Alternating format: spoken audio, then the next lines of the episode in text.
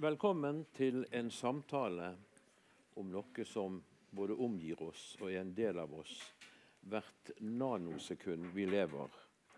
Og jeg som har vært død i fem minutter, vet at eh, et, av disse elementene fins i døden òg.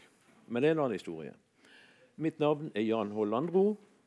Og de to som skal snakke om lys og mørke, det er Sigrid Sandberg, journalist og forfatter, og Bjørn Samset, fysiker, eh, klimaforsker og vel til og med med på, i, FNs klimapanel. Så hadde det seg slik at i 2018 utkom det to bøker, så vidt jeg vet, helt uavhengig av hverandre. Den ene, skrevet av Sigrid Sandberg, heter 'Mørke', med undertittel 'Stjerner, redsel og fem netter på Finse'. Den er skal vi si, relativt journalistisk anlagt men òg populærvitenskapelig til en, i en viss grad. Og så kom en bok som het 'Lys', som har undertittelen 'En fortelling om regnbuen og nordlyset, flammene og ildfluene og menneskets kamp for å holde mørket tilbake'. Så vi skulle nesten tro at det var to antagonister som satt her. Her har du mørkets kvinne og, og lysets herre, eller et, et, eller annet i den retning. Kanskje vi ikke skal gå videre på, på nettopp det der. Men i alle fall, det der er vårt utgangspunkt. Men det var nesten riktig, Jan. Takk. Fordi at uh, denne boken til Bjørn den kom i 2018. Og like før jeg skulle sende den i trykken, da så jeg den. Og da skulle min komme i 2019. Mm -hmm. Året etter, altså. Men jeg måtte skynde meg å lese Bjørn sin bok 'En forrykende fei'. Hva var dette for noe? Påvirket den boken din? Uh, uh, kanskje bitte, bitte litt. Mm. Jeg tror kanskje Jeg så du måtte legge den til på referanselista? Ja, ja, jeg har den med på referanselista. Mm. Mm. OK. Men jeg tenkte som så at for å, å plassere oss i den store sammenhengen så vil jeg be deg lese det avsnittet som jeg har nevnt for deg. Mm. Så kan vi begynne der. Ja. Bare så vi, er, så vi er enige, da tenker du der og ned? Yes. ned sånn? nettopp. Nettopp, nettopp, nettopp. Dette er fra mm, ja, det blir kanskje, kanskje, opplagt, den delen av boka som handler om uh, nattehimmelen og lyset som kommer fra, fra oven. Her er universets fortelling slik vi kjenner den i dag. Vi bor på den tredje av åtte planeter som går i bane rundt en middelaldrende sol. Solsystemet vårt ligger omtrent to tredjedeler av veien ute i en av de mektige spiralarmene til galaksen vi kaller Melkeveien. Den består av minst 200 milliarder stjerner av ulik størrelse, mange av dem med sine egne planetsystem. Lenge trodde vi at, at, Melkeveien var universet, men det viste seg å være litt som et barn som tror at bygda det vokser opp i, er verden. I det synlige universet fins minst 1000 milliarder galakser. Noen ligner på Melkeveien, andre har helt andre former. Det fins stjernetåker der nye, fødes, uh, nye stjerner fødes. Supernovaer, eksplosjonene på slutten av livet til tunge stjerner. Nøytronstjerner, kompakte stjernerester som spinner hundrevis av ganger per sekund. Runde galakser, flate galakser, kolliderende galakser og eksploderende galakser. Og ikke minst sorte hull. Mørke områder der tyngdekraften er så sterk at selv ikke lyset kan unnslippe. Og mye, mye mer. Hvis noen nå føler seg små, så er trøsten vi er alle i samme båt.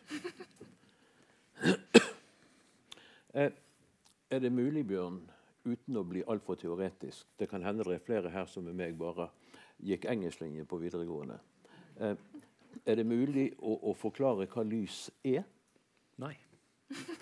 Prøv.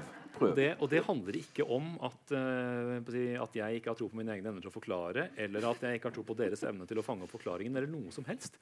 Det handler om at etter alle disse tusen årene med vitenskap så vet vi det fortsatt ikke. Og Det er det som er litt gøy også. Altså, lys har vært en gjennomgående tråd, en slags rød tråd, lysende tråd gjennom hele vitenskapshistorien. Fra liksom, allerede de gamle grekere videre, de første filosofene begynte med å tenke på hva i alle dager er lys. Hva, hva skjer? Du tar et stearinlys eller en fakkel eller hva det nå skal være. Tenner på noe, og plutselig så kan du se i mørket. Det kommer lys. Et eller annet som lar deg oppfatte tingene rundt deg. Men de første tankene var jo helt, kanskje helt, helt, helt naturlige. Du åpner øynene, og så sender de ut et eller annet som så spretter tilbake igjen og gir oss informasjon. Det høres jo plausibelt ut. Helt til du tenker at da, da, burde du vært i stand til å se i mørket også. Det, det, er man jo ikke, så der er det et eller annet gærent. Så det må være lyset, da, et stearinlys eller, eller, en lyskaster eller noe annet, som sender ut et eller annet. Okay. Så da kom man allerede i antikken. Men hva er dette som sendes ut? Og Der kommer jo den store vitenskapelige diskusjonen som har gått gjennom altså med Descartes, og med Newton, og med Maxwell og med Einstein. og liksom Alle de store navnene virkelig nesten alle de store navnene man, som også vi som ikke er fysikere, har fått med seg fra naturvitenskapshistorien, har jobba med lys på en eller annen måte. Da er det to store konkurrerende teorier. Enten så er lys eh, partikler, altså små biter av et eller annet nå tenker jeg sånne små klosser, denne Lyskasteren der borte sitter der liksom og kaster masse sånne små klosser i, i, i, min retning. og så er det et eller annet som da spretter av den genseren der og spretter tilbake igjen til, Men altså, til øyet mitt. Eventuelt partikler av noe vi ikke vet hva er? Ja, i sens så vet du jo hva det er. for Vi kjenner jo lys rundt oss. Det er bare den minste biten av lys. Mm. Men ingen har da klart å ta en sånn partikkel og legge den på et bord og si der er den, sånn kan vi studere den. Uh, Newton mente jo at han, han gjorde det. Dette, dette er Newtons tanke. Og han tok prismet sitt og spredte lyset ut i alle fargene. Og så klarte å fange de fargene igjen og ta det tilbake igjen til hvitt lys. Så var hans konklusjon på det at, at det må jo da være noen små enkeltbestanddeler. partikler, ikke sant? Så sprer du det ut. Der går de røde, der går de blå. Så er det alle de andre fargene i midten, og så samler du dem igjen. Og når øyet mitt ser hvitt lys, så må det være fordi det treffes av alle disse forskjellige fargene, partikkelfargene samtidig. Den andre teorien, som Newton da mente han hadde drept, eh, er at dette er ikke en ikke partikler, men en egenskap ved rommet rundt oss, omtrent som bølgene i denne flaska. her, at jeg kan riste sånn, Så går det bølger bortover på overflaten av det vannet. Kanskje lyset er bølger av en eller annen uh, natur i det rommet mellom meg og den lyskasteren der borte. Så det er en bølge som brer seg, og så spres den av den genseren og inn på øynene mine med en sånn egenskap at dette fremstår som oransje istedenfor grønt eller et eller annet helt annet. Det var ingen som greide å avgjøre mellom de to. Helt til da den moderne fysikken som vi kaller det kom, kvantefysikken, og eh, Planck, Max Planck og etter hvert Einstein, som fant ut at eh, nå tar vi en salomonisk løsning her, dere. Lyset er begge deler. Eller ingen av delene. alt ettersom. Det er noe annet som har egenskapen til partikler av og til, og som har egenskapen til bølger av og til, det er ikke sånn av og til en bølge og av og til en partikkel. Det er rett og slett noe, noe 3D som har alle disse egenskapene, og som vi da har brukt de siste 100 årene av utvikling av moderne fysikk på å forstå. Vi har etter hvert skjønt at Lyset er ikke noe forskjellig fra resten av materien. Altså de, de partiklene som utgjør da hånda mi, de er ikke egentlig noe fundamentalt forskjellig fra lys. De kan også være både partikler og bølger. Heldigvis ikke mens de henger fast i oss, men, men sånn. Og fronten av moderne fysikk i dag handler også i stor grad om å lirke ut av disse grunnleggende egenskapene til denne, hva det nå er. Kvantetilstanden, som vi, som, som vi kaller det, altså det i, i, i, kvantefysikken. Så lys er, en, det er noe som brer seg utover. I en, uh, ikke i en materie eller i en slags sånn felt ute i rommet. eller noe sånt, Rett og slett gjennom tomt rom. Det, ikke, det, det kan bre seg på overflaten av vann uten at det er noe vann der. Det er jo en artig, artig nok egenskap. Og så kan det være en partikkel av og til hvis det bare beveger seg fort nok. som gamma, eller Røntgenstråling f.eks. Da sender man ut enkeltbiter av lys som virkelig går inn i kroppen, spretter av fra beinet og, og, og tilbake igjen. Um, så kan vi jo utnytte de, eh, de, de, egenskapene. Men det er også der vi er. Og så har vi da helt fronten av, av vitenskap igjen, hvor man egentlig krangler vilt om de mer grunnleggende filosofiske egenskapene til dette her fotonet da, som, vi, som, vi, kaller det i dag.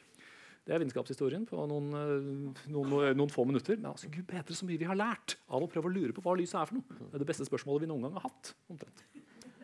Men vi kan risikere å måtte vente lenge på det beste svaret. Men jeg syns jo, altså jeg synes jo um, denne her boken her er helt fantastisk god. Det må vi bare si. Ja. Veldig utrolig spennende. Takk for det. Jeg måtte lese den om igjen nå, siden jeg leste litt fort sist gang. Eh, og du har jo en slags eh, du, du, For det, dette er jo liksom Det går jo gjennom mye av boka di at du, at du snakker om eh, hva lys er. Og så har du jo en slags energi som er liksom Litt av grunnen til at jeg måtte bare skynde meg å lese den før min kom, det var liksom at det ikke var noe feil hos meg. Mm. og da hadde vi skrevet det samme, for jeg hadde jo nesten levert manuset. Lys er energi. Det syns jeg er, Det går an å skjønne, på en måte. Det og det hadde jeg også heldigvis skrevet. Men eh, er du etter denne redegjørelsen for lys i stand til å gjøre rede for hva mørket er? Ja, altså jeg eh, trøster jo meg med litt sant, De litt eh, hører på Bjørn og leser disse her litt vanskelige tingene, så må jeg prøve å, å forklare det litt enklere. Uh, så jeg er jo um, litt sånn opptatt Eller jeg bruker jo litt av de forklaringene f.eks. For fra astronomien, hvor de snakker om at mørket er et opplevd fravær av lys. Eh, fordi, nettopp fordi at øynene våre er så dårlig konstruert at vi tar inn så få av de eh, bølgene som, eh, som, forskjellige lys eh, beveger seg på. Da. Sånn, så vi tar bare inn det, det bitte lille. Og så kan man på en måte si at ja, det er jo litt sånn dårlig konstruert, eller det er jo litt irriterende at ikke vi ser mer enn vi gjør. Da, eh, sånn når det er mørkt, så er det jo egentlig ganske mange stråler som går der som andre oppfatter, som Uh, men, vi, men, så er det kanskje litt deilig òg. At, at, ikke vi ser alt. Det, Uh, og bare dette her at, vi kan, altså, at vi er såpass At ting, f.eks. alle oss her nå, da, at vi ser, dere ser ut som mennesker. Liksom, dere henger sammen, og det er ikke masse, bare masse sånne bitte små kvarker og alt sånt som hopper rundt. Det, er veldig, det syns jeg er veldig betryggende og, og fint. Tenk om du hadde hatt røntgensyn, f.eks. Ja, eksempel. Mm. Se tvers igjennom alt og alle. Men hvis, hvis, lys er energi i en eller annen form, eh, kan mørke da være negativ energi? Fins det noe sånt? Ikke negativ energi ut fra det, vi, det moderne vitenskap sier i dag. Altså mørke sånn subjektivt eller menneskelig mørke, som, som du sier, det, det, må være at vi er i en tilstand hvor øynene våre ikke, ikke fanger opp noe. Mm. Da blir mørket like subjektivt som, som farger egentlig er. Det kommer vi kanskje, kommer vi kanskje tilbake igjen til, Men man, man kan lage en sånn absolutt mørke også, som da vil være fravær av, av liksom, lys i det mer generelle forstand, som er elektromagnetisk stråling. Som inkluderer røntgenstråling og radiobølger og veldig, veldig mye annet rart. Hvis du hadde tatt bort alt det, da kunne du si at du hadde fullstendig mørke. Det skjer ingen steder i hele universet. Og heller ikke i et laboratorium. Heller ikke et laboratorium. Nei. naturen er så eh, merkelig. Hvis du, hvis du, prøver å lage et fullstendig tomrom, altså et absolutt vakuum, så begynner det å dukke opp masse små sånn partikkel-antipartikkelpar. Og da lys og antilys også. Eh, så an, an, antilys finnes for så vidt. Hva er det? Eh, det um, vi over i partikkelfysikken. da. Alle, alle partikler alle, vi, vi, vi, er laget av, av, av, stoff. Det tror jeg vi kan være, være, være enig i. Alle som har sett uh, eller lest uh, 'Engler og demoner', denne fantastiske litterære bragden fra Dan Brown, uh, vet at det finnes også noe som heter antimaterie. Så hvis du har begge deler, så kan du lage en super bombeball og sprenge Vatikanet og sånne, sånne, kjekke ting.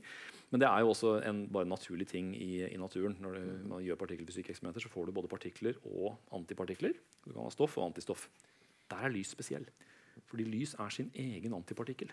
Så Lys er både stoff og antistoff mm -hmm. samtidig. Det er nok en av de sære tingene ved, ved lys. Så I et antiunivers så ville lyset vært helt det samme. Akkurat. Det, det, det, er dere ikke til å forstå. Nei. Det er vel den greieste konklusjonen. Men det er jo liksom det der med sånn, sånn, total mørke og sånn. Nå har jeg begynt å lese om de der tingene, og, og dette her òg liksom ned på For man tenker f.eks. nede i havet, sant? at der skulle i hvert fall være mørkt. Ja, nede på 10 000 meter. Ja, 11 000 meter nede i Mariana-gropen. Liksom. Og det skriver vi jo faktisk om begge to. -hmm. At der fins det, det sånne lysende fisker og vesener. og Mm. Ja. Altså, lys er så kjekt at naturen sniker det inn overalt. Ja. Altså, selv livet der nede har jo bestemt seg for at okay, det er ikke noe lys her. Da får vi lage det sjøl. Altså, det, det, beste, der, der, har vi jo moderne teknologi. Da. Det beste stedet som jeg greide å finne i, hvert fall, i naturen for å virkelig oppleve det absolutte subjektive mørket, altså vårt menneskelige mørke, på badet hjemme. Mm. Der har vi greid å kvitte oss med alle lyskilder. Der er det ikke noen sånne små anglerfish og sånne ting som kommer med sånne lysprikker inn. Og... Har ikke du vindu på badet ditt? du? Ikke hos oss. Det er kun, et, ja, Ok. kun en vifte. Nei, så det, det, det, det tror jeg er det nærmeste vi, uh, vi kommer. Hvor, hvor viktig det er med dette her mørket, det, det ser man også i en annen, en annen um, uh, historie som jeg fant her, av en stakkars uh, BBC-journalist. Som uh, du kan tenke at De som opplever absolutt mørke, det må jo være de som er uheldige nok til å være blinde. Men det viser seg jo heller ikke nødvendigvis være helt, eh, helt sant. For Denne stakkars mannen her, han eh, hadde vært sene når han var liten. og Så var det en feilslått operasjon som kutta synsnerven hans. Og han mis, mis, mista synet. Men den gjorde det ikke absolutt mørkt. Han, han, han husket da forskjellen på lys og mørke fra da han var liten. og sa det nå, nå, nå var det bare lys. Han så lys hele tiden. Uansett om han lukker øynene, uansett samme søren hva han Ja, gjør. Han får aldri fred. Det er det verste. sier han. Nettopp. Du skriver, Bjørn, at eh, lyset har alltid vært, og lyset vil alltid være. Er det sant? Jeg tenker For sånn drøyt 13 millioner år, milliarder år siden, når dette universet vårt oppsto, det har jo vært en tid før det. Da innbiller jeg meg at det må ha vært mørkt. Og jeg tenker dessuten at om ja, det er ikke mer enn 5,5 milliarder år til at solen sløkner. Da blir det vel òg helt mørkt? Eller? Her, men ikke ellers. Uh, kommer den uh, moderne kosmologien inn og sier rare ting igjen. Altså det har, um, ja, universet er 13,8 milliarder uh, år gammelt. Og tiden er også 13,8 milliarder år gammel. Det nekter jeg å tro. Ja, det, det er mange, det, det, er- der er det mange som er enig med deg. Men, eh, men det, det kosmologien sier altså den, den, hvis, hvis du aksepterer Big Bang-teorien og hele den der, så sier den samme grunnforståelsen som det der, altså Big Bang er en sånn forsøk på å anskueliggjøre en egentlig ganske matematisk teori i bånn. altså Einsteins relativitetsteori, generelle. Den sier også at i Big Bang, 13,8 milliarder år siden, godt fint Big Bang, så begynte både tid og rom. Og noe av det første som skjedde, var altså, Dette det, begynte da i en gigantisk uh, utbredelse av nettopp energi.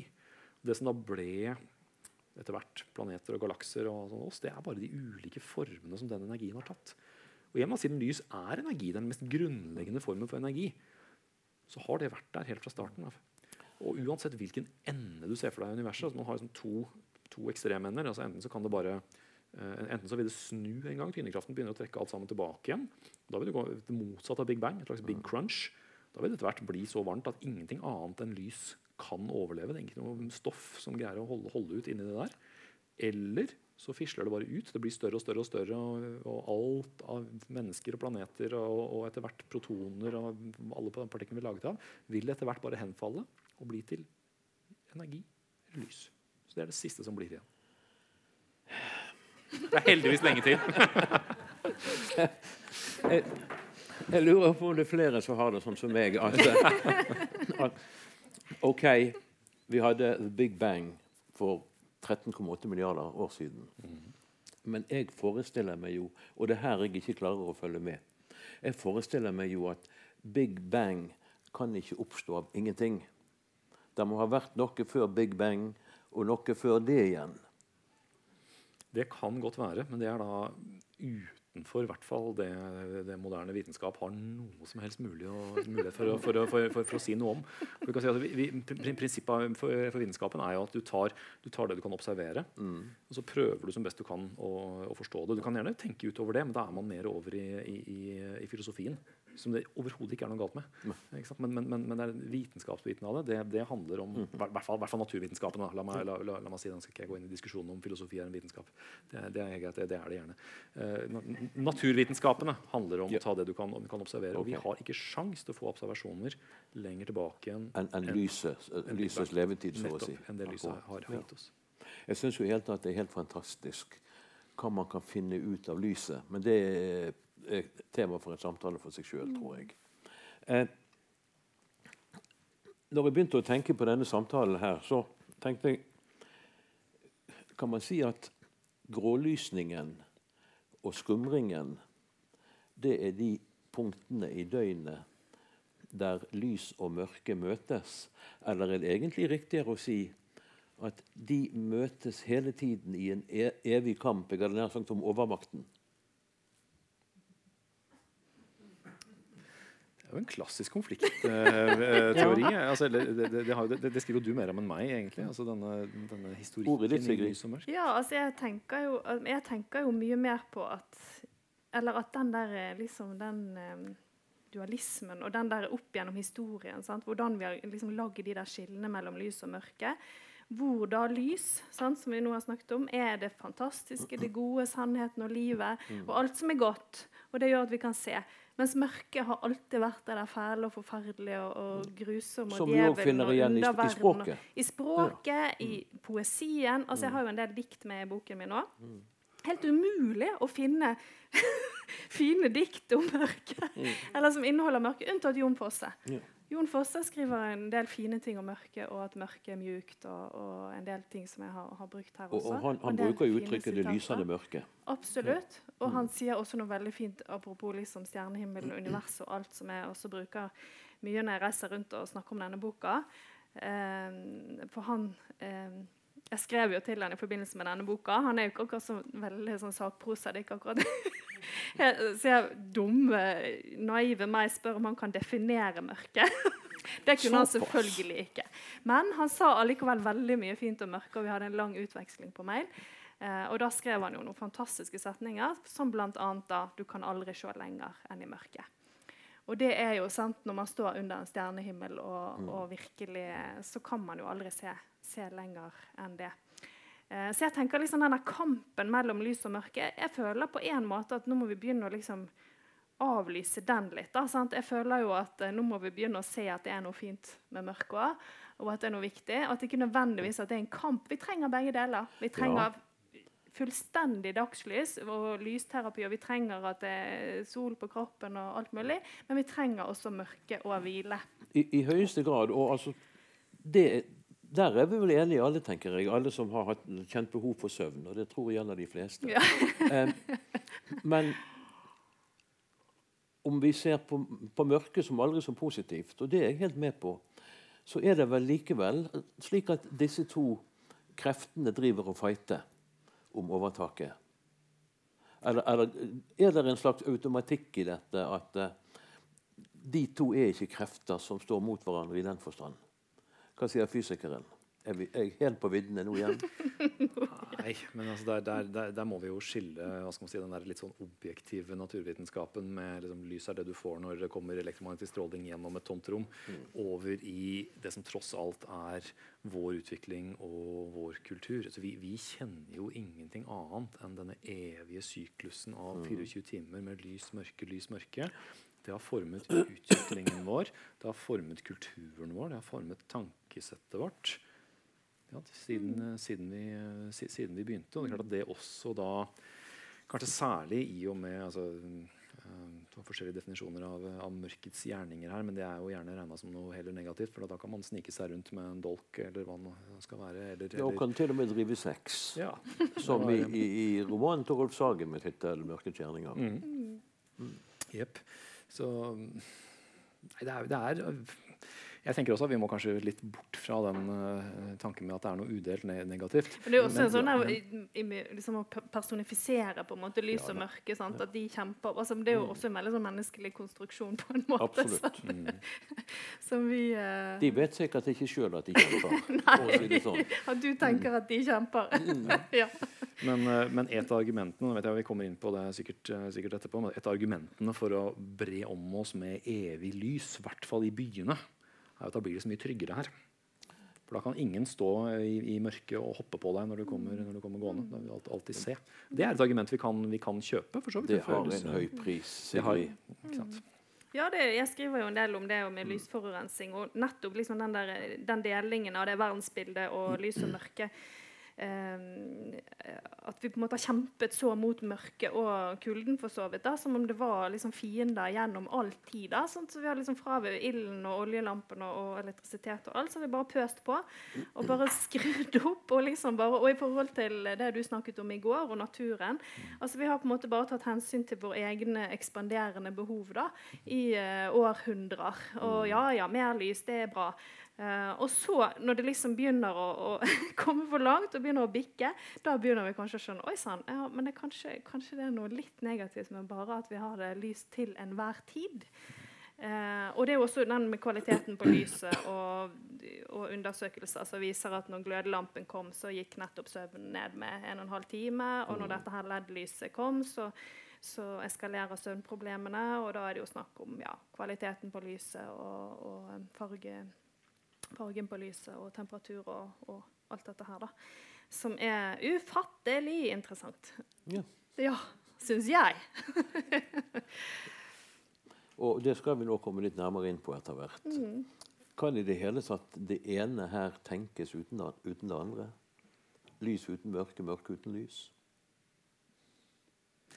Nei, altså Husk at lys er jo, i likhet med farger og alt annet, egentlig et fenomen som er ganske subjektivt for oss. Hadde ikke vi vært Ja, her, hadde så du har brukt dette naturen ordet subjektivt flere ganger. Ja. Men hvor subjektivt er det egentlig, da? For å si det sånn. Ja, hvis, du, hvis, du tenker, hvis du tenker menneskeheten som, som, som subjekt altså nå, nå, vet, nå vet vi jo ikke om vi er alene i universet eller ikke. Eller ikke bare menneskeheten, men, men nå, tenker jeg livet på jorden, da, som har lys, som har utnytta lys helt siden, eh, helt siden det begynte. Hvis vi nå skulle være så uheldige å være den eneste planeten med liv i hele, hele universet Det er høyst lite sannsynlig, men, men la oss si det. Ja. Så tror jeg ikke naturen egentlig i seg sjøl Nettopp fordi dette med at elektromagnetisk stråling er overalt. Naturen skiller ikke på, på lys eller mørke. Den skiller på, på tilgang på ulike typer stråling og energi. Mens vi, som har lært oss å bruke den energien altså hvis du skal, hvis du skal, igjen, da skal jeg snart slutte å være så himla naturvitenskapelig her. Men altså, eh, det handler jo om at denne atmosfæren rundt denne planeten den blokkerer egentlig mesteparten av sollyset. Men så er det noen få bølgelengder som da slipper ned, og som er akkurat nok til at vi da kan, eh, kan utnytte det gjennom øynene for vår del, og så andre typer fotoreseptorer på andre, andre dyr. Og så har man da utviklet seg til at forskjellen er enten om du har den strålingen der, eller ikke. Og der kommer lys og mørke. Men jeg, jeg, jeg tror det, det er nå så inn, innbakt i hele både utvikling og kultur og biologi og hva det skal være, at for vår del nå så kan vi ikke ha den ene uten den andre. Nei. Nei, men Når du, du bruker ordet subjektiv, så tenker jeg òg på hver enkelt av oss. Altså Vi som sitter i dette rommet, ser vi omtrent det samme lyset. Jeg er riktignok grå stær, men, eh, så jeg ser det kanskje ikke akkurat sånn som mange andre. Men i all hovedsak vi ser det samme lyset, gjør ikke vi det? Vi fanger opp det samme lyset. Ja. Om det er det samme som skjer fra øynene våre og inn til hjernen, er et helt annet spørsmål. Selvfølgelig. Vi kan spore det et stykke. Vi har sånn cirka de samme fotoreseptorene og ca. den samme eh, typen eh, eh, nervekoblinger inn til, inn til hjernen. Den siste biten der, prosesseringen, ser vi de samme fargene? Er grønt det for meg det samme som grønt for dere? Der er det virkelig subjektivt. Da er vi nede- på individ-objekt. Ja. Det vi vet, er at vi reagerer på omtrent samme måte. Altså folk, folk har omtrent samme psykiske respons på rødt i forhold til blått. og sånne ting. Det betyr ikke at du ser dem på samme måte. I arbeidet med disse to bøkene så viser det seg jo at dere har brukt noe av det samme underlagsmaterialet, men kanskje ikke på helt samme måte. Nei, du svarer først? Nei, du kan Ja, jeg kan benytte den anledningen til å komme med skryt av din bok. Da, for jeg, jeg trivdes jo veldig godt med, med, med den også. Det Og jeg er- kan skryte av begge. Jeg syns dette her var kjempegøy. Altså, for jeg, jeg hadde da ikke lest din før. Min kom, kom, kom litt før. Ja. Men jeg, da fikk, jeg måtte jo også se hva dette her var for noe. Uh, og og um, kjempegøy å se hvordan man kan ta det samme materialet, essensielt, ikke, ikke, ikke 100 så klart, men, men en god overlapp av grunnleggende kilder, og bare vri det på helt forskjellige måter. Altså, det er veldig sånn god lærdom i historiefortelling. Egentlig, er liksom, det, det, jeg lærte mye av det som, som forfatter. egentlig, for det, det, dette, er, dette er min måte å angripe stoff på. Det er å lage omtrent noe sånn, dyp, sånn kvasi-dypt populærvitenskapelig fortellende som, som den boka der. Det er liksom min, sånn jeg instinktivt angriper det. Så Du kan ta materialet bare, bare kutte det opp på en helt annen måte. Putte, putte det inn en annen, en, annen, en annen setting. Og egentlig få sagt akkurat de samme, samme tingene, men i en fortelling. Så det var, det var lærerikt for meg. fall. Takk ja, for det. Ja, eh, og jeg er jo på motsatt måte litt sånn imponert over at du greier å liksom skrive en hel bok uten å liksom gjøre sånn som jeg gjør. da, for det, jeg må jo innrømme det at eh, ja, jeg er jo journalist, som du sa. og det, altså hvordan, sant, Jeg syns dette er kjempeinteressant, og, nå, og jeg skal skrive en bok om mørke. og så, Hvordan skal jeg greie å gjøre det? Hvordan skal jeg få det til å henge sammen? Hvordan skal jeg, sant?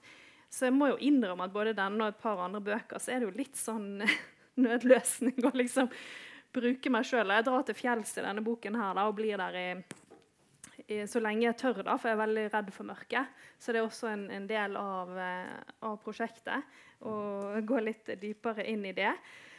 Eh, eksponeringsterapi, som jeg fikk fortalt at det het. Mm -hmm.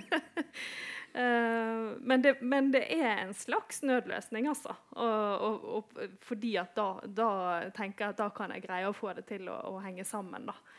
Jo, men det er jo noe som fungerer. Det fungerer veldig godt for uh, i hvert fall meg som leser, og tydeligvis for Bjørn òg. Mm. Og da sikkert for mange andre. Og du er jo ikke helt fjern fra fortellingen sjøl heller i, i, din måte å jobbe på. Du òg blir subjektiv, knytter an til eh, egne erfaringer og den slags. Mm. Og det har veldig sjelden skadet, med mindre man blir direkte navlebeskuende. Mm. Så det funker jo. Mm. Absolutt. Ja, da, du ser jo det, altså de, eh, Hvis vi skjeler til eh, si, våre, mine inspirasjonskilder, altså de som skriver eh, narrativ sakprosa eller narrativ mm. populærvitenskap mm. som virkelig treffer, det er jo de som virkelig greier å finne et grep og en historie, en fortelling som drar deg gjennom det hele, sånn at du kan si mm. sniker inn nå er ikke det, er ikke det populærvitenskap på den, den, måten, men det klassiske norske eksempelet litt tilbake er jo Sofies verden. egentlig, mm. Som er en lærebok i filosofi, mm. filosofihistorie. Men det er jo ikke det du leser. Du leser, men du leser en fortelling.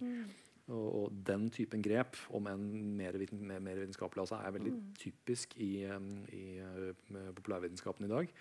Og du kan si at de som, de som, kommer høyt og selges over hele verden, sånn, det er de som virkelig, virkelig får det til å ha funnet en, en god historie. Mm. Så folk, og dermed forlagene og sånn, vil nok heller ha din vinkling. Nei, men det der kom dere godt ut av begge to, så den saken er grei. Du sa én ting som gjorde meg bekymret. Mm -hmm. Du snakket om at uh, dette her var litt uh, overfladisk uh, populærvitenskap i boken din, syns jeg du sa. Og da tenkte jeg fanken òg, jeg har nok med å følge, henge med på dette. Neida, det, var, det, var, det var, kanskje, var, kanskje, ikke meningen å si, si, at det var overfladisk, for det, det, det er det jo ikke. Den, den stikker absolutt i, i, i dybden. Men, men, det er klart, altså, altså, jeg får jo av de, den responsen jeg får på, på boka, så er det jo veldig mange av de som føler at de kan litt om lys, som liker å fortelle meg om alle de tingene jeg ikke har tatt med, og hvor upresis jeg er. og alt sånt. Det gjelder jo ikke bare meg, det, det, det gjelder alle, men, men man, man, sitter jo litt mellom, mellom mange, mange, stoler. Den burde sikkert vært 1000 sider lang og hatt ligninger på hver side. Men, ja. men, men da var det kanskje ikke populærvitenskap lenger. 14 fotnoter. Ja, ja, ja, særlig fotnoter. Ja. Mm, elsker dem. Akkurat det der slipper jeg unna, da, fordi at jeg sikkert ikke, sant, jeg ikke har noen sånn fysikertittel eller noe sånt. da. Så jeg slipper unna de der verste kverulantene der. Mm. Men i alle fall heller fotnoter enn noteapparat bak der du må bla frem og tilbake hele tiden. Ja. Ja, det, det, det, der er jo en evig diskusjon. Mm. Ja. Jeg har jo egentlig juksa litt den boka. der, bare, bare si at sorry, men dette, dette er mye lærebokstoff. Jeg, jeg, gir ikke så mange referanser. Jeg gir noen bøker Jeg syns det var veldig morsomt det du skrev. Du skrev liksom Dette er litt av det jeg kan eh, etter 20 år som fysikerstudent. Liksom. Jeg syns det var helt nydelig. Ja. Altså, det, jeg orker ikke å alle lærebøkene mine som kilder. Altså, liksom. Nå har du kanskje lært for 15 år siden og liksom, ja, akkurat hvilken side det sto på. Liksom. Det sitter, kunnskapen sitter i deg. Mm. Ja. Jeg har lært et nytt ord. Bioluminisens. Ja. Og det virker veldig spennende. Fortell hva det er for noe. Ja, skal jeg ta den? um, det er jo um, naturens egen måte å lage lys på. Altså ild, ild, ildfluer, f.eks. Mm. Det kommer en, en, uh, flue flygende bortover. Altså, i hvert fall Vi her i Norge vi forventer ikke at den plutselig skal blaffe opp i en sånn fint glødende lys. Eller når du går ut i skogen, så forventer du ikke at det skal ligge noe sånn litt radioaktivt utseende sopp bortunder et, et tre der. Altså, men, men, naturen driver jo med sånt.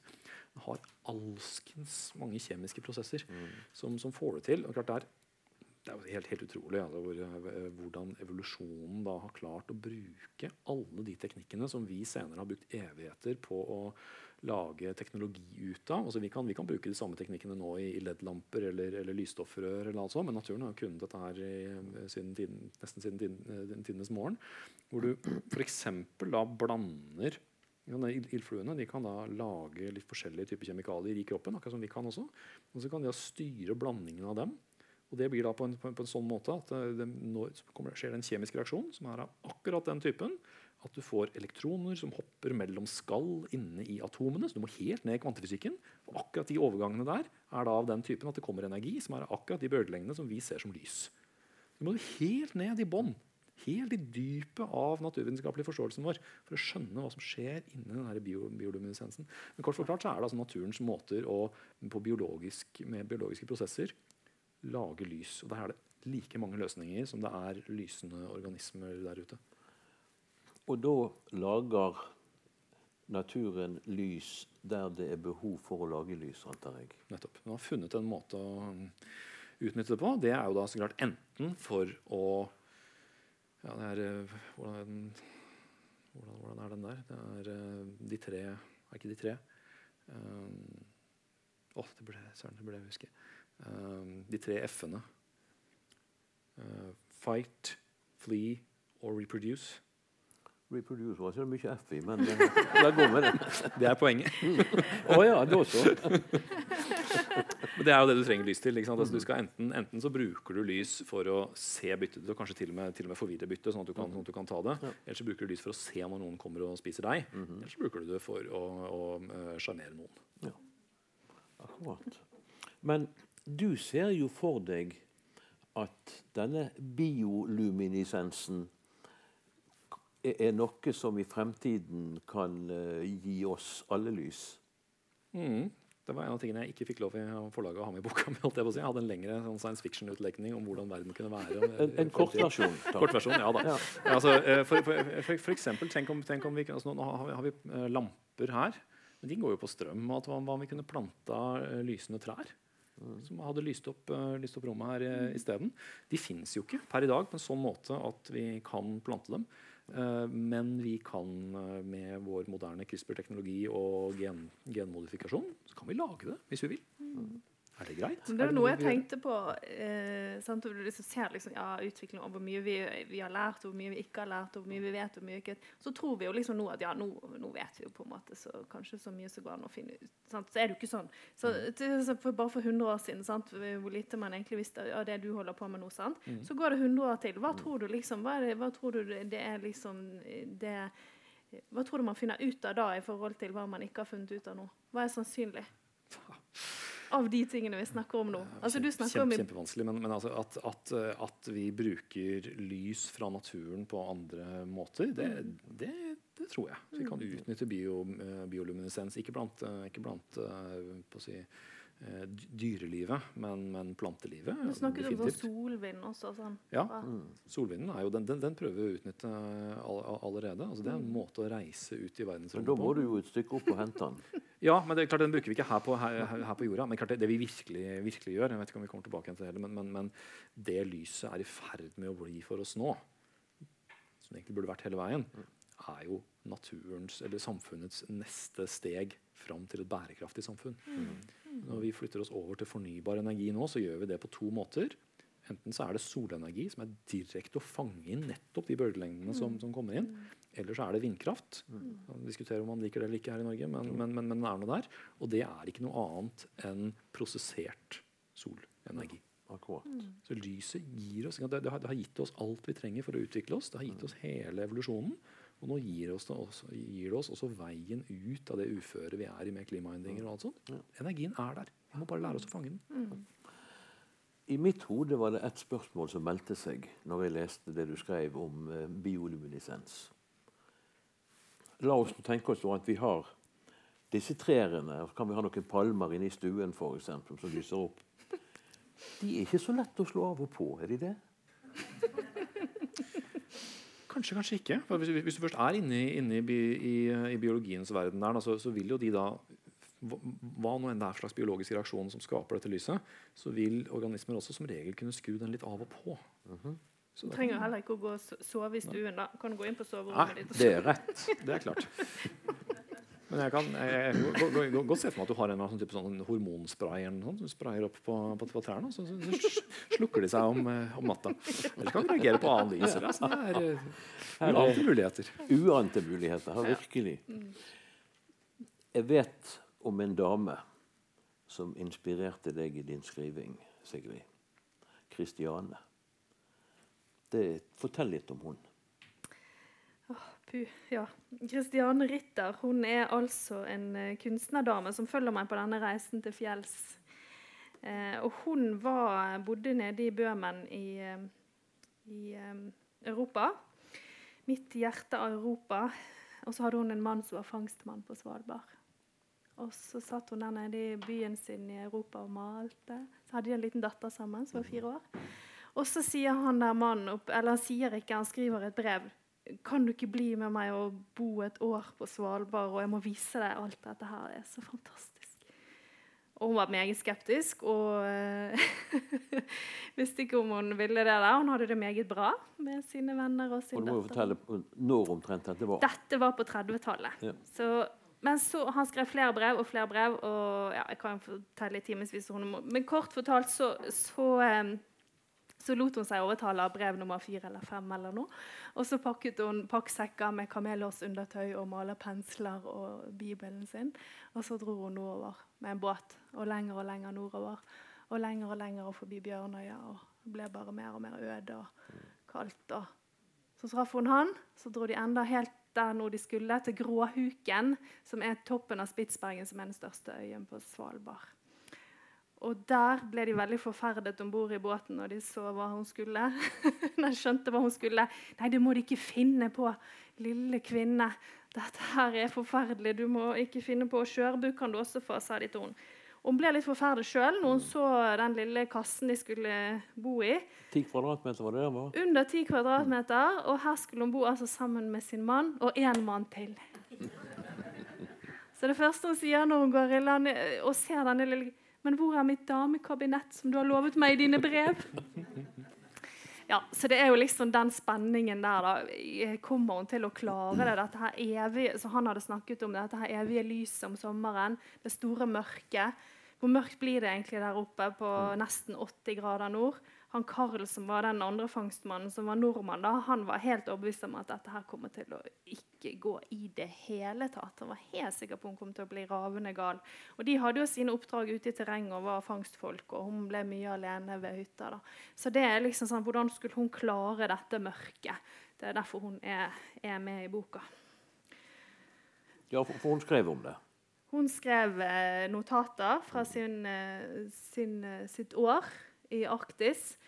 Eh, og det er noe av det vakreste jeg noen gang har lest fra, eh, fra polarlitteraturen. faktisk. Jeg fant den eh, boka og ble klar over henne når vi var på en skitur oppe der og overnattet på den lille hytta på, på Gråuken når vi bodde på Svalbard. Og jeg har aldri lest noe en så eh, filosofisk og poetisk eh, beskrivelse av, eh, av Arktis.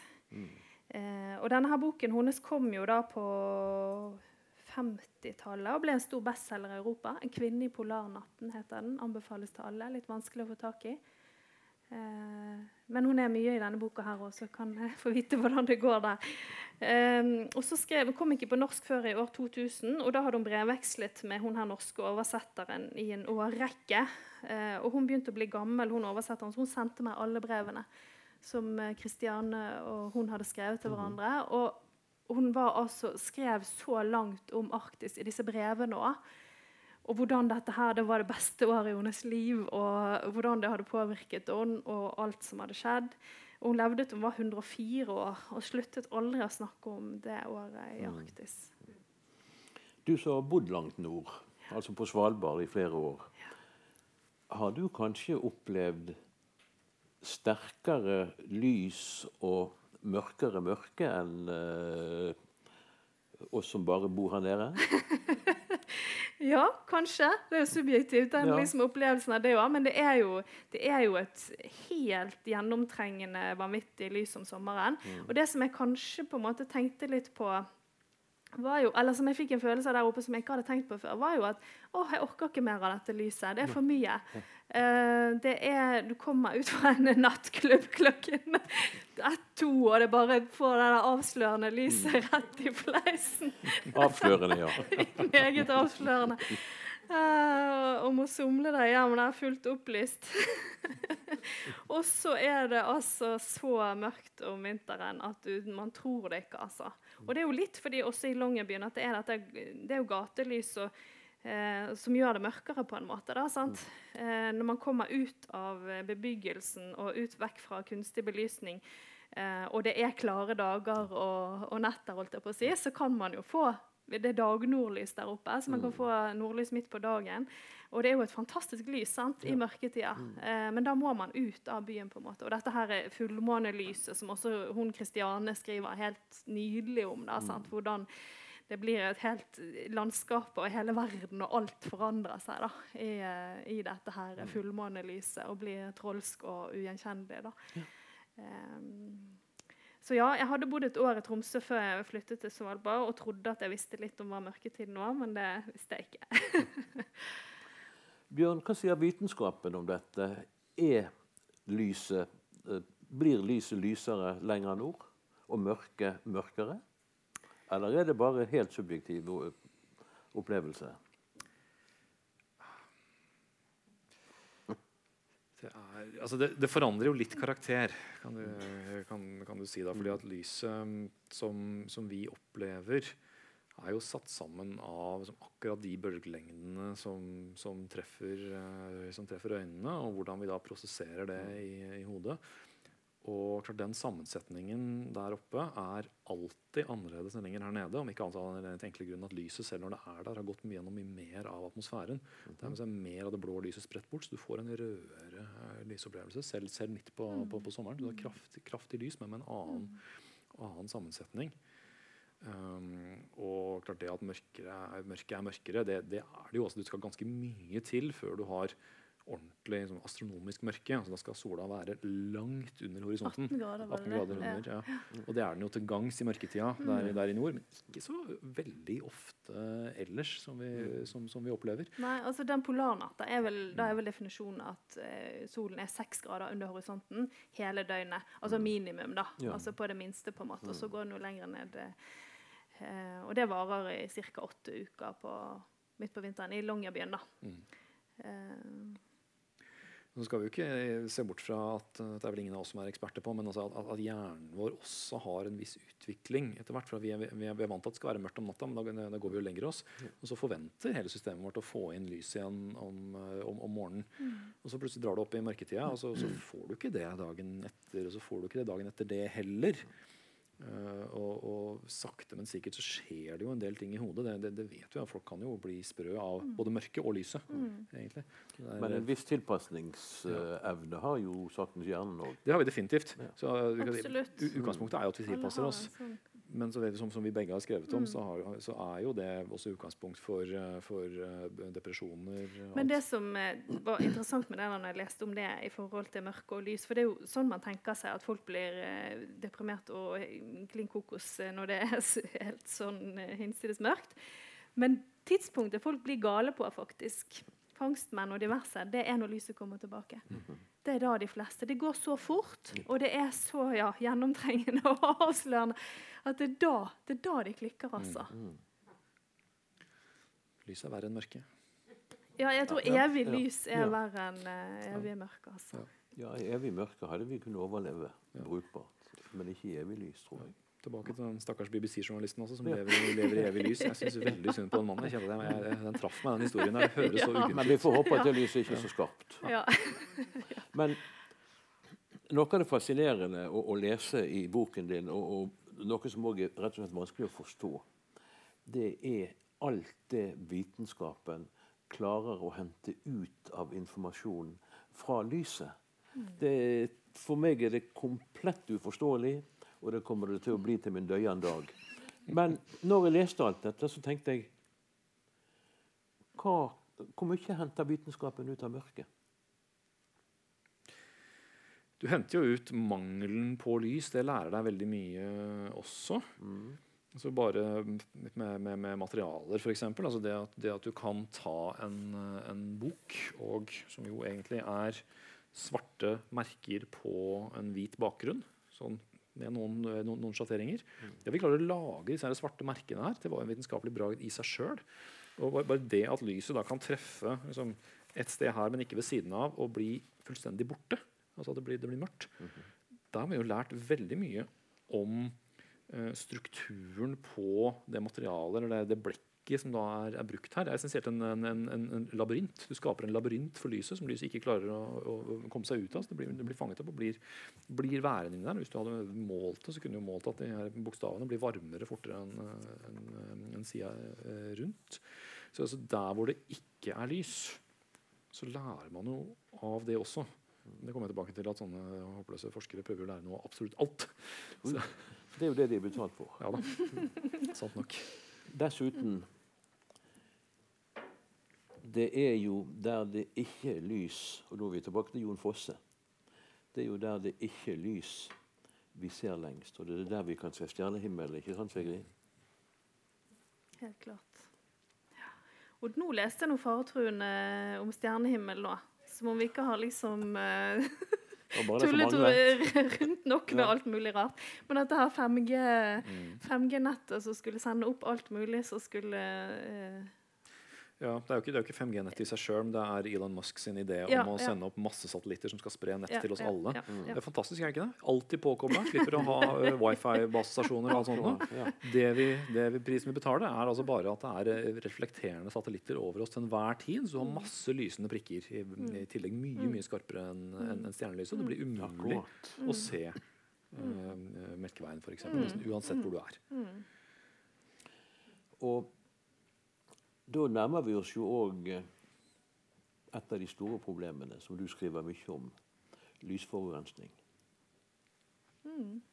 Ja, nei, det er jo det der at vi ikke greier å begrense oss. Eller ikke har en Jeg tenker jo at det ikke er noe sånn det er ikke noe ondskap i at eh, LED-lyset ble oppfunnet, liksom. eller noe sånt. Men det er sånn, litt sånn manglende bevissthet på en måte i forhold til eh, hvor mye lys trenger vi egentlig, og, og til hvilken eh, styrke og hvilken kvalitet, og på hvilket tidspunkt.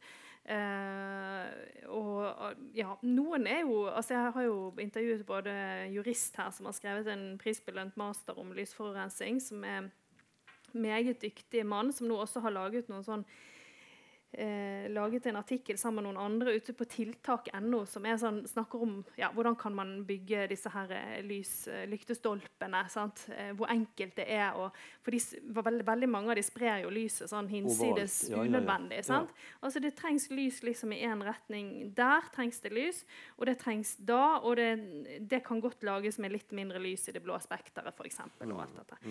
Eh, men det har blitt NASA viser jo sånne bilder, tar jo bilder av jordkloden når det er natt. Og har, den eh, lysforurensningen over jordkloden har jo økt dramatisk de siste 20 årene, hvis man ser på sånne NASA-bilder. Og det har jo ikke bare med at vi skal stå, få lov å stå under stjernehimmelen og føle på vår eh, litenhet å gjøre.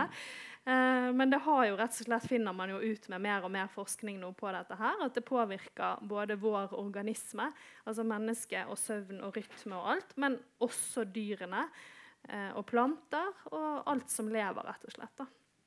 Og det er jo også ufattelig eh, interessant. Altså, vi hadde faktisk Norges første seminar om lysforurensning nå her i høst. Du skulle også vært med. Neste gang blir du med. Og da var det han juristen var med, og en biolog som heter Arne Follestad, som jobber i NINA, Norsk institutt for naturforskning, som snakket om han ble helt sjokkert når han skulle skrive en rapport om, om hvordan dette her påvirka dyrene, og hvor, det, hvor lite det var forsket på det, eh, og hvor store konsekvenser det hadde. Og ja, ikke bare insekt som surrer mot, eh, mot lamper og tror at det er månen, eh, men også frosker som ble blendet i timevis og satt helt ut av spill. og og dyr som navigerer hit og dit. og sånne. Ja, små, rett og slett. ja, Ja. små afrikanske gjødselbiller, f.eks. Meget interessant. Kommer helt ut av kurs. Akkurat. Så, eh, så det der er veldig veldig interessant. Og tilbake til den søvnen vår også. Sant? I forhold til ja, hva vet vi? Sant? Altså Folk som sitter oppe til seint på natt og, og ser på enten på TV eller på mobiltelefoner eller skjermer, eller, og så får de ikke sove. sant? Å nei, sier du det? For da er det jo altså, sant? Det er jo dette her LED-lyset som er i, eh, i eh, alle disse her tingene som jeg nevnte nå, som, som er eh, Veldig mye av LED-lyset er blått lys, som er altså i et spekter som går rett inn i, hjernen vår. Og, og sier at nå er det dag. Og da stoppes produksjonen av dette her eh, mørkehormonet, som vi kaller det, da, melatonin. Som er helt nødvendig for at vi skal få sove. Og så er det selvfølgelig, det er jo litt bevissthet på det, og det er jo litt skriverier om det, og man har liksom blålysfunksjon på, på telefonen og, og ditt og datt. Men jeg anbefaler vekkerklokke, altså. God gammeldags vekkerklokke. Slå av den forbaska telefonen. La den ligge. Og så eh, kan man bli vekket av en god gammeldags ringelyd. Ja, det fins ikke noe godt argument for å ha mobilen på om natten. Ikke ha den på soverommet overhodet. Men, ja, jeg har noen døtre som ville hylt hvis, eh, hvis du hørte deg si det. Men, jo, eh, men når de har hylt noen dager, så gir det seg. Ja, ja og det fins jo sant, eh, de der undersøkelsene om ungdom sant, fra 16 til 19 år. De oppgir jo sjøl at de sover for lite. De sover to timer mer enn de sjøl tror de trenger. Seks timer er liksom en undersøkelse jeg viste nå. Eh, så det kan bli. Og, sant, og alt disse her, og nå har jeg snakket med både forskere og og leger om dette her. Og, og jeg må spørre ja, henger dette da sammen med sant, sant, søvn og alt henger sammen på en eller annen måte. Sant? Og, eh, alle disse her eh, psykiatriske diagnosene og, og all depresjon og Henger det liksom sammen? Kan det henge sammen? Ja, sant, så sier de jo mm, Jeg kan ikke skrive det. Ikke, selvfølgelig gjør det det, men, men eh, det må vi undersøke. sant? De er jo leger og forskere. Vi må, ha, vi må ha god dokumentasjon. Og det er ikke liksom gjort uh, god nok forskning på det ennå, men det er i gang, liksom. Og, og det, denne her eh, Bare den mørketerapien. da, sant? Altså, Vi hadde jo lysterapi i mange mange år, har jo fortsatt det, og vi trenger virkelig lys. Jeg er jo så opptatt av dette. Jeg reiser rundt og snakker om den boken at det, det er ikke noe sånn at vi bare skal ha det mørkt. Nei da. Dagslys og alt er kjempeviktig, men i passe doser. sant? Og det er jo det vi er. Subtropiske dagdyr. sant? Det er jo betegnelsen på vår uh, art. Med en sirkadisk rytme, som jeg synes de liker veldig Forklar godt. sirkadisk. Ja, det er jo det at vi trenger både lys og mørke, og at vi har denne her fra tidenes morgen så har vi gått i en sånn, i en sånn syklus av eh, mørke og lys, og vi trenger hvile og, og, og ro for å be, sånn, at alt skal repareres, og at vi blir klar til ny aktivitet og, og alt dette her. da. Så det er ja. Jeg har bare lyst til å problematisere et, et kort øyeblikk, for det er en sånn, sånn utvikling som, som ligger under dette her.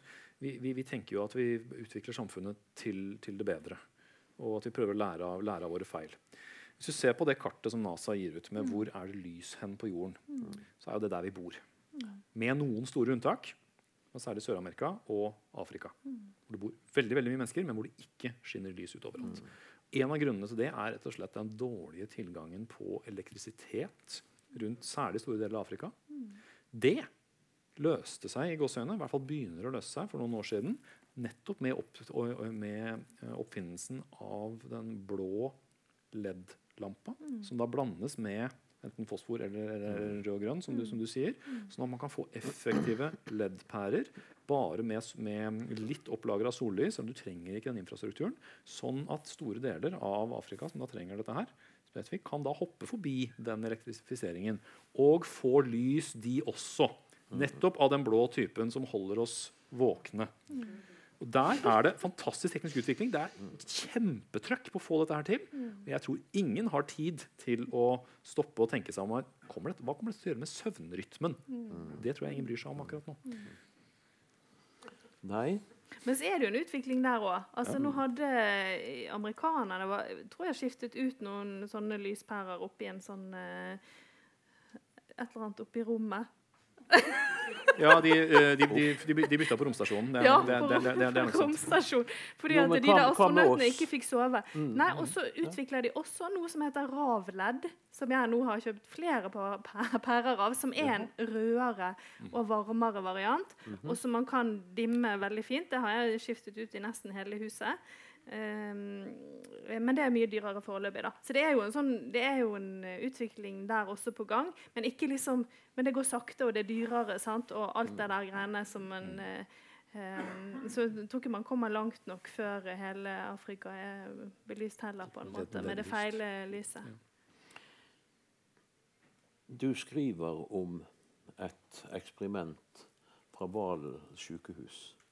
Fortell om det. Det syns jeg er kjempeinteressant. Ja, det syns jeg òg. Og det er jo da Det var jo det jeg litt var inne på med mørketerapi. At man eh, først så tenkte man skal man putte folk inn i mørke rom, da? Eller for å få liksom, regulert døgnrytmen og dette her. Eh, men så var det da eh, noen som kom på at kanskje vi bare kan bruke briller istedenfor. Og alle vet vel hva Valen sykehus er. Altså Det er sted for sinnslidende. Ja, Ja. og da var det sånn da, Først var det skiftarbeiderforskere som, som fant på dette her. Så var det en eh, psykiater eh, som het eh, James Felb eller noe sånt, som eh, fant ut at kanskje vi kan bruke det på maniske pasienter som er overaktive, som sliter med døgnrytmen.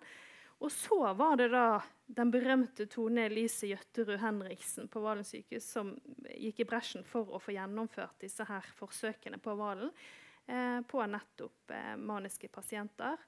Og ble helt forbløffet, hele gjengen, da, hvor, hvor bra resultater det var. De hadde prøvd med medisiner og ditt og datt i månedsvis. Og så, når de puttet på disse oransje brillene, som da blokkerer det blå lyset, um, og, så, og som de fikk på seg noen timer før leggetid uh, og det er jo sånn, Subtropisk dagdyr. ok, Om kvelden så skal det bli, gå, solen går ned, og det blir litt rødere lys, og, det, og så skummer det til at det blir mørkt. Så plutselig begynte de å sove lengre, de fikk bedre kvalitet på søvnen og, og fikk en tilstand som var mye mye bedre enn de hadde klart med de medisinene. da. Så hun er jo en av mine hovedkilder egentlig i boken og sier utrolig masse fint. Hun sier f.eks. at vi er mer som blomer enn vi har likt å tro. Vi er mer vare for lys og mørke enn vi egentlig har visst. Og så Hun sier også dette om LED-lyset, at, at eh, når det kom eh, Når, når, når EU for, forbød glødelampene i 2012 og LED-lyset kom for fullt, så er det akkurat som alle plutselig har begynt å spise kjempeusunt. Uten at de helt sånn vet om det selv. Eh, ja, meget interessant. Så hun, eh, hun har jo fått masse priser for forskningen sin, og, og dette her kommer. Og, og hun tror jo etter hvert at hun bruker jo briller sjøl og på hele familien sin. og, og tror at jeg etter, håper etter hvert kan liksom få, få det på blå resept og, og få brukt på flere, på skiftarbeidere, på, på mødre med fødselsdepresjoner, på ja, overarbeidede folk som må jobbe på natten, skiftarbeidere. ja. Og, de, og disse oransje brillene, som også kalles UV-briller, de er å få kjøpt. Dette var en passe optimistisk eh, avslutning. Vår tid er nemlig ute. Sigrid og Bjørn, det har vært en fornøyelse å ha dere her fremme. Tusen takk. Tusen takk til publikum. Takk.